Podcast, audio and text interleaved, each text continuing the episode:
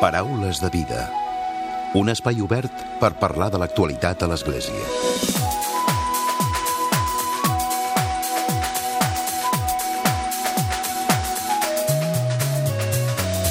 Què tal? Salutacions i molt bon dia. Barcelona acollirà finals d'aquest mes de març, concretament els dies 28 i 31, el simposi Acompanyar els joves a respondre lliurement a la crida a Crist. Aquesta trobada, que es farà al Seminari Conciliar de Barcelona, té com a objectiu descobrir com comprometre's i afrontar la situació actual a Europa, acompanyant els joves en el seu procés de discerniment. En aquesta trobada hi participaran responsables de les diferents conferències episcopals europees de catequesi, ensenyament ensenyament, universitats, vocacions i joves. Nosaltres avui parlarem, però, de les vocacions, i és que el passat diumenge es va celebrar, coincidint amb el dia de Sant Josep, el dia del seminari. Avui volem reflexionar i conèixer com és el dia a dia del seminari major interdiocesà. Volem saber quins són els reptes que tenen també els futurs capellans en una societat marcada per les noves tecnologies i també per les xarxes socials. En parlem de seguida i ho fem amb mossèn Norbert Miracle, que és el rector del Seminari Major Interdiocesà diocesà.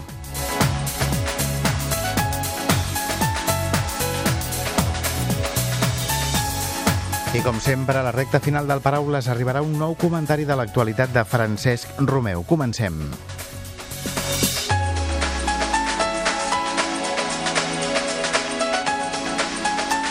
Mossèn Norbert Miracle, molt bon dia. Hola, molt bon dia. Benvingut al Paraules de Vida, novament. Gràcies.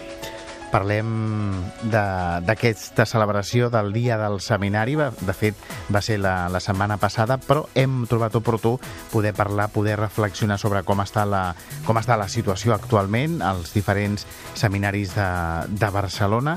Una situació que podem dir que és òptima? Bé, és la situació que tenim. Uh, si es mira si és òptima o, o menys òptima, dependrà de quines variables analitzem. Evidentment, si només ens fixem amb el nombre de seminaristes, hem de dir que ens en falten molts pel que segurament la nostra Església necessitaria en aquests moments a Catalunya. No?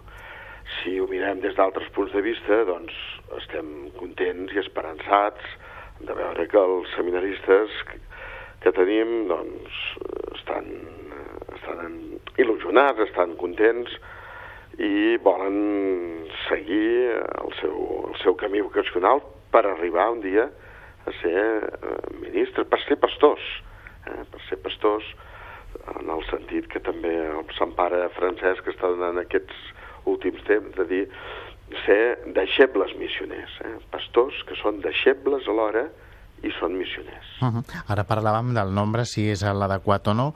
Concretament, crec que són 84 els seminaristes que hi ha a, a les diferents diòcesis de Catalunya. Sí, eh, diríem que doncs, eh, el total dels tres seminaris de Terrassa, el Conciliar de Barcelona i l'Interdiocesà fan un total en aquest curs de 84 seminaristes. Són xifres que han anat baixant amb els anys? Han anat baixant, sí. Han anat baixant els últims anys doncs, es mantenen, ja un cert, pot haver-hi doncs, 4 o 5 menys aquest any en relació a l'any anterior, però doncs, eh, des de fa un temps estem, estem estabilitzats en aquesta franja d'entre 80 i un centenar de seminaristes. I per què, a què es deu aquesta baixada, mossèn Norbert? Es deu a moltíssimes coses, no? Jo, el, jo crec que la cosa més important és que al nostre país, com en molts altres indrets de l'Europa occidental, s'està vivint una certa, una certa secularització i fa que això doncs, incideixi en tots els àmbits i l'àmbit de les vocacions doncs, també. Ara, aquí hi ha persones que han estudiat molt i han fet moltes anàlisis i troben moltíssimes qüestions, des de, des de la baixada del nombre de la natalitat fins al fet de que avui dia els joves no volen prendre compromisos definitius, però jo em sembla que en el fons el motiu més important és que hi ha tot un gran gruix de cristians de, batejats que doncs no tenen un compromís eh, amb la amb la seva, amb la seva fe com haurien de tenir, no? Aquesta seria la paraula clau, el compromís? Jo crec que sí, perquè eh, la vocació, tant si és la vocació a ser prevera, com si és a ser missioner, com a la vida religiosa, com al matrimoni, en Jesucrist, un matrimoni cristià, doncs s'ha de fonamentar sempre en aquest compromís seriós de seguir el, el que el Senyor diu i seguir-lo per sempre, no? En aquest dia del seminari que se celebrava la setmana passada, el passat diumenge, quin ha estat o quin, quin missatge han volgut transmetre? Perquè, de fet, també, eh, com hem vist als mitjans de comunicació, sobretot aquest esperit mm, de, de la gent jove, dels seminaristes joves, i aquesta alegria que tenen no? per, mm, per entregar-se i per començar una, una etapa al servei dels altres. Home, aquest, aquest element que destaques d'alegria, a mi m'agrada que el destaquis i si has tingut aquesta impressió estic content perquè eh, certament hi ha d'haver alegria, no? El papa francès quan fa la primera exhortació diu Evangelium Gaudium, no? Evangeli Gaudium, -huh. l'alegria de l'Evangeli. És clar, si, si no estem joiosos, si no tenim alegria perquè tenim l'Evangeli a les mans, malament, no? I per tant, sí, és veritat, eh? És veritat aquesta idea de l'alegria. D'altra banda, doncs, mira, aquest any, cada any es posa un lema que intenta donar també una, un color a la jornada, no? Aquest any era prop de Déu i prop dels germans. I jo crec que també és un lema bonic, perquè ens està parlant de que el prevera ha de ser un home que ha de viure prop de Déu, certament, però alhora ha de viure molt a prop dels germans, molt a prop dels altres homes i dones als quals serveix, perquè els preveres nosaltres som homes que hem, que hem estat trets del mig dels homes, no, no, hem, no hem baixat de, de, del cel en paracaigudes, no? Som persones que estàvem a les nostres comunitats parroquials, a les nostres famílies, als nostres grups cristians, i en un moment donat vam sentir que el Senyor ens deia, doncs, per què no, vine i segueix-me. Uh -huh. I així ho hem fet, no? Però no ens podem separar dels homes. Hem d'estar al seu servei. Hem d'estar prop d'ells. No? Una altra qüestió important que hi ha hagut com a novetat aquest any a la celebració del Dia del Seminari és el canvi que hi ha hagut en el pla d'estudis pels seminaristes i l'accés, oi, als estudis? Sí, és un pla d'estudis que ha estat aprovat pel papa el passat desembre, eh? per tant, doncs, s'anirà posant en marxa els cursos posteriors. Aquest pla doncs, ha estat aprovat el dia de la Puríssima, al desembre, no? I evidentment, sí, sí, l'estem preparant, l'estem estudiant, eh, doncs estem mirant de quina manera les orientacions d'aquest pla d'estudis, que no és només el, alerta, no és el pla d'estudis, les matèries, eh? perquè les matèries de les facultats això no es canviaran, però sí que és, diríem, el conjunt de la formació que rep el seminarista. Uh -huh. Aquest pla d'estudis, la ratio que diem, doncs eh, ens sembla molt, molt interessant en totes les, les iniciatives, les, les orientacions. No és que hi hagi unes novetats, diríem, substancials, no és que en comptes de, en comptes de, de, de 6 anys ara en seran 14. No és això. Però sí que s'intenta anar donant alguns petits canvis de, de, de, de matís en moltes coses. És un pla més exigent en quant a l'accés de, de les persones, dels joves ser, que volen? Sí, sí, sí, ha de ser exigent. Eh? El tema de l'admissió la, de dels nous seminaristes, el papa ho ha remarcat molts cops, en aquell moment hi ha d'haver una exigència.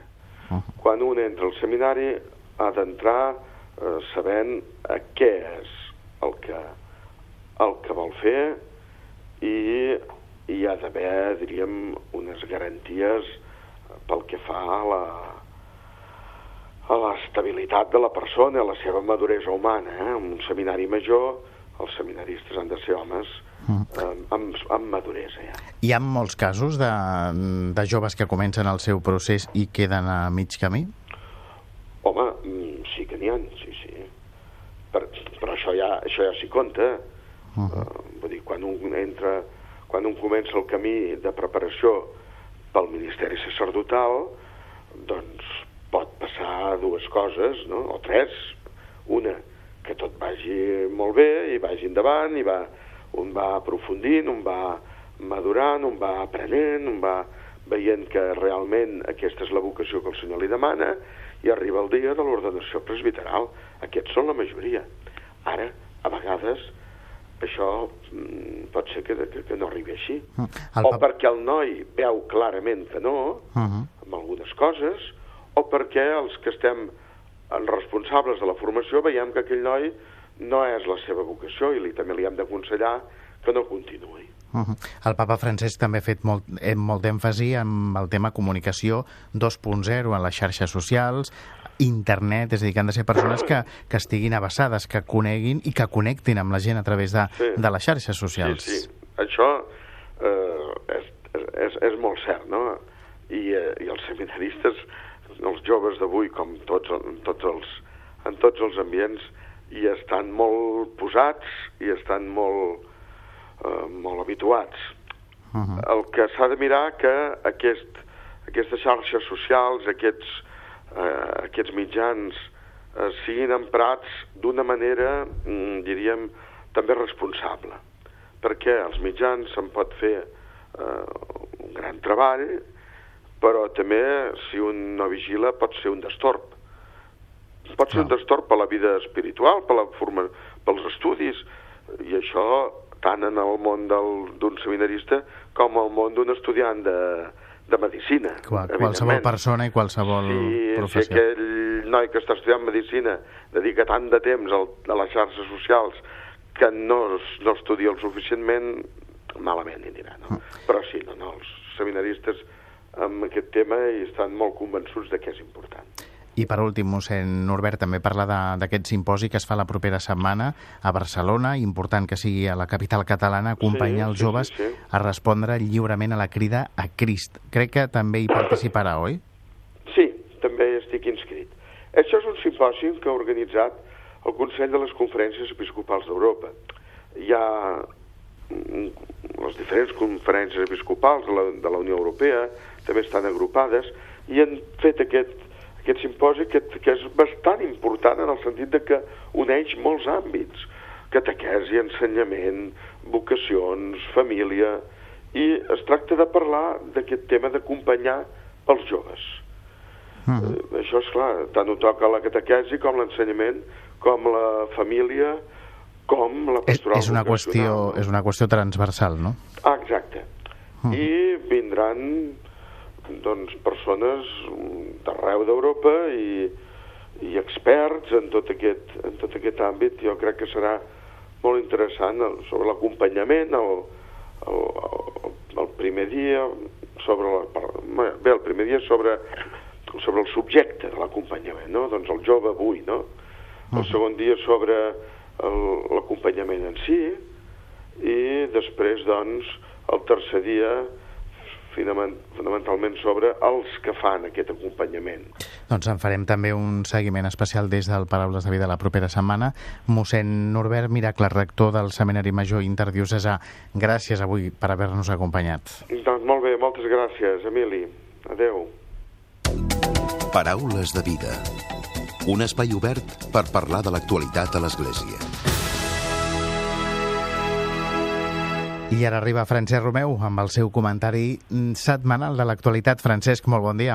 Molt bon dia a tothom. El dilluns passat, 20 de març, la Generalitat de Catalunya, a través de la Direcció General d'Afers Religiosos, va guardonar, va guardonar amb el sisè memorial que s'hi ha just el pare dominic francès Jean-Jacques Perenne pel foment de la trobada entre les tradicions cristiana i islàmica l'aposta per l'educació i per disminuir les tensions religioses al món i per posar fi a la por dels qui són diferents, dels immigrants i dels refugiats. L'acte es va celebrar a l'auditori de la mateixa Generalitat i va ser presidit per la consellera de Governació, Administracions Públiques i Habitatge, Meritxell Borràs, que és la qui té sota el seu càrrec la Direcció General d'Afers Religiosos, que amb molt, molt d'encert dirigeix l'Enric Vendrell. El pare Dominic Peren és actualment el director de l'Escola Bíblica i Arqueològica Francesa de Jerusalem, però gran part de la seva vida, més de 40 anys, els ha dedicat al diàleg interreligiós, especialment entre els musulmans i els cristians, atès que va ser durant 15 anys el secretari general i director de l'Institut Dominic d'Estudis Orientals amb seu al Caire, prior del convent dominic de la capital d'Egipte i vicari provincial dels dominics pel món àrab. En el seu Parlament, el pare Peren va reconèixer que el diàleg i l'amistat són els qui ens han de portar la pau, atès que no hi ha futur sense convivència. També es va referir a una qüestió terminològica, quan va afirmar que ell prefereix més la paraula trobada que la paraula diàleg, perquè es refereix a persones més que paraules. Avui no està de moda parlar de diàleg perquè hi ha por de perdre la pròpia identitat. Pel pare Dominic, el repte actual és trobar-nos en la diversitat. I va, quedar, va acabar dient que, com a creient, penso que per Déu la pluralitat i la diversitat dels creients és una riquesa. Mentre succeïa això a Barcelona, a Roma, el director de l'oficina de premsa de la Santa Seu, Greg Burke, va confirmar que el papa francès viatjarà a Egipte els dies 28 i 29 d'abril, acceptant la invitació del president de la República, dels bisbes de l'Església Catòlica, del patriarca de l'Església copta Teodor II d'Alexandria i del gran imam de la mesquita d'Al-Azhar, el sheikh Ahmed Al-Tayyib. Així mateix, Greg Burke va indicar que els detalls més concrets del programa, del programa de la visita del papa es publicaran en els propers dies. Evidentment, aquest anunci es produeix després de nombroses converses i contactes entre delegacions vaticanes i egípcies. El president d'Egipte, Abdel Fattah al-Sisi, va convidar el papa durant l'audiència que va mantenir amb ell al Vaticà fa més de dos anys, el 24 de novembre del 2014. També el patriarca Teodor II d'Alexandria, cap de l'Església copta ortodoxa d'Egipte, va convidar el bisbe de Roma a visitar Egipte. Tant Teodor com Francesc tenen una gran proximitat espiritual i d'amistat. El papa va parlar personalment amb el patriarca copte després de l'atemptat contra la catedral copta de Sant Marc, al Caire, el passat 12 de desembre del 2016. D'altra banda, també els bisbes egipcis van comunicar al papa el seu desig que acudís en viatge pastoral al seu país durant la visita límina del 6 de febrer passat. Finalment, durant l'audiència que el papa francès va concedir a la Santa Seu al gran imam de la mesquita de la Universitat d'Al-Azhar, Ahmad Al-Tayyib, el 21 de maig passat, aquest també el va convidar al país. Cal recordar que el 22 de febrer passat una delegació vaticana encapçalada per, pel cardenal Jean-Louis Toran, president del Pontifici Consell pel Diàleg Interreligiós, va acudir a la Universitat d'Al-Azhar per donar un impuls al diàleg interreligiós entre catòlics i musulmans. Per tant, aquest viatge del papa el mes vinent al Caire tindrà un fort contingut ecumènic i interreligiós. Ecumènic per les relacions amb l'Església copta ortodoxa, la comunitat cristiana més gran i més antiga de l'Orient Mitjà, i interreligiosa pel diàleg amb els musulmans en un moment en què diferents interessos polítics provenen de sembrar odi entre musulmans i cristians per aconseguir els seus objectius partidistes. Recordem que l'últim papa que va visitar Egipte va ser el papa Sant Joan Pau II, ara ja fa 17 anys, en el context del pelegrinatge jubilar de l'any 2000. La Santa Seu també va fer públic aquest dilluns tot el programa del viatge que el papa francès realitzarà a Fàtima, Portugal, els dies 12 i 13 de maig, amb motiu de la commemoració del centenari de les aparicions de la Mare de Déu a la cova d'Aíria. Molt bon diumenge a tothom.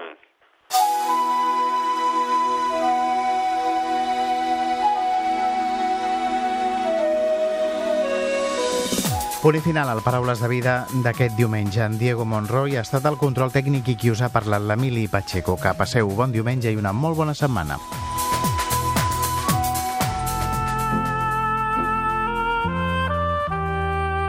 Us oferim la carta dominical de l'arcabisbe de Barcelona, Joan Josep Omella.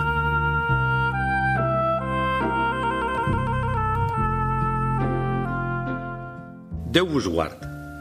Permeteu-me que us expliqui un conte que pot ajudar-nos a mirar la gent gran amb ulls d'amor a fi que puguem arribar a valorar-los i estimar-los més i més i a no arraconar-los com si fossin atuells inservibles. Aquest és el conte. Hi havia una vegada un rei molt cruel que va decidir bandejar a tots els ancians del seu regne i enviar-los a viure a un país remot. Així li havia dit als seus soldats, porteu-vos-els lluny d'aquí. No serveixen per res, els vells. Solament mengen i dormen, però no treballen. Tots els soldats van seguir les seves instruccions, excepte un d'ells, anomenat Janos, que estimava molt al seu pare, de manera que li va acondicionar una habitació secreta a la seva casa on ho mantenia ocult i li prodigava totes les cures necessàries. Van passar els mesos, els mesos i una gran sequera va assolar el regne. Els rius i els llacs van perdre les seves aigües, els arbres es van quedar sense fruit i els graners es van buidar en qüestió de dies. Preocupat pel risc de fam, el rei va cridar als soldats «Us ordeno que trobeu blat per alimentar el poble. En cas contrari, us tancaré a tots en un calabós». Els soldats van sortir molt tristos, ja que en realitat no hi havia forma de complir aquest mandat. Janos va arribar capcot a casa seva i va anar directament a l'habitació on el seu pare romania ocult. Què et passa, fill? va preguntar l'ancià. Janos li va explicar detalladament la greu situació en què es trobava. No et preocupis, tinc la solució per a vosaltres, el va tranquil·litzar el pare. Quan treballava com llaurador, fa molts anys, em cridava l'atenció observar les formigues que portaven centenars de grans de blat als seus formiguers Digues-los als teus companys que obrin tots els que trobin en el camp perquè estaran plens. Sense revelar d'on havia tret la idea, Janos va ser amb els altres soldats a la recerca dels formiguers. A tots els va alegrar molt trobar grans depòsits de blat i omplir diversos costals. L'endemà els van presentar al rei. Aquest es va sorprendre en assabentar-se de l'enginyosa manera en què els havien aconseguit. Com se us va acudir? es va preguntar. Va ser idea de Janos? Van contestar. Aleshores, explica-m'ho tu, va ordenar el rei. Majestat, tinc por de fer-ho ja que seré castigat. Digues-m'ho i no et passarà res dolent, va prometre-li el rei ple de curiositat. Janos li va explicar que el seu pare ancià, a qui mantenia ocult a casa seva, li havia donat el consell. El rei va quedar en silenci durant una llarga estona i després va prendre la paraula. Ara m'adono que vaig ser molt maldestre per bandejar a la gent gran d'aquest regne. Els coneixements que han acumulat en la seva vida són una valuosa font de saviesa. Immediatament va ordenar que els ancians bandejats tornessin a la ciutat i així va ocórrer. Quan va passar la sequera, tots els habitants van recordar que un d'ells els havia salvat de morir de gana. Benvolguts avis i àvies, gràcies pel que sou i el que heu estat. Gràcies per la vostra gran experiència que ens la transmeteu en tants i tants consells. Els més petits, els vostres nets us escolten de bon grat, tant de bo que tots sàpiguen tenir en compte els vostres ensenyaments. Segur que si els consideressin més sovint no ens equivocaríem tant. Que Déu us beneixi i us doni la seva pau.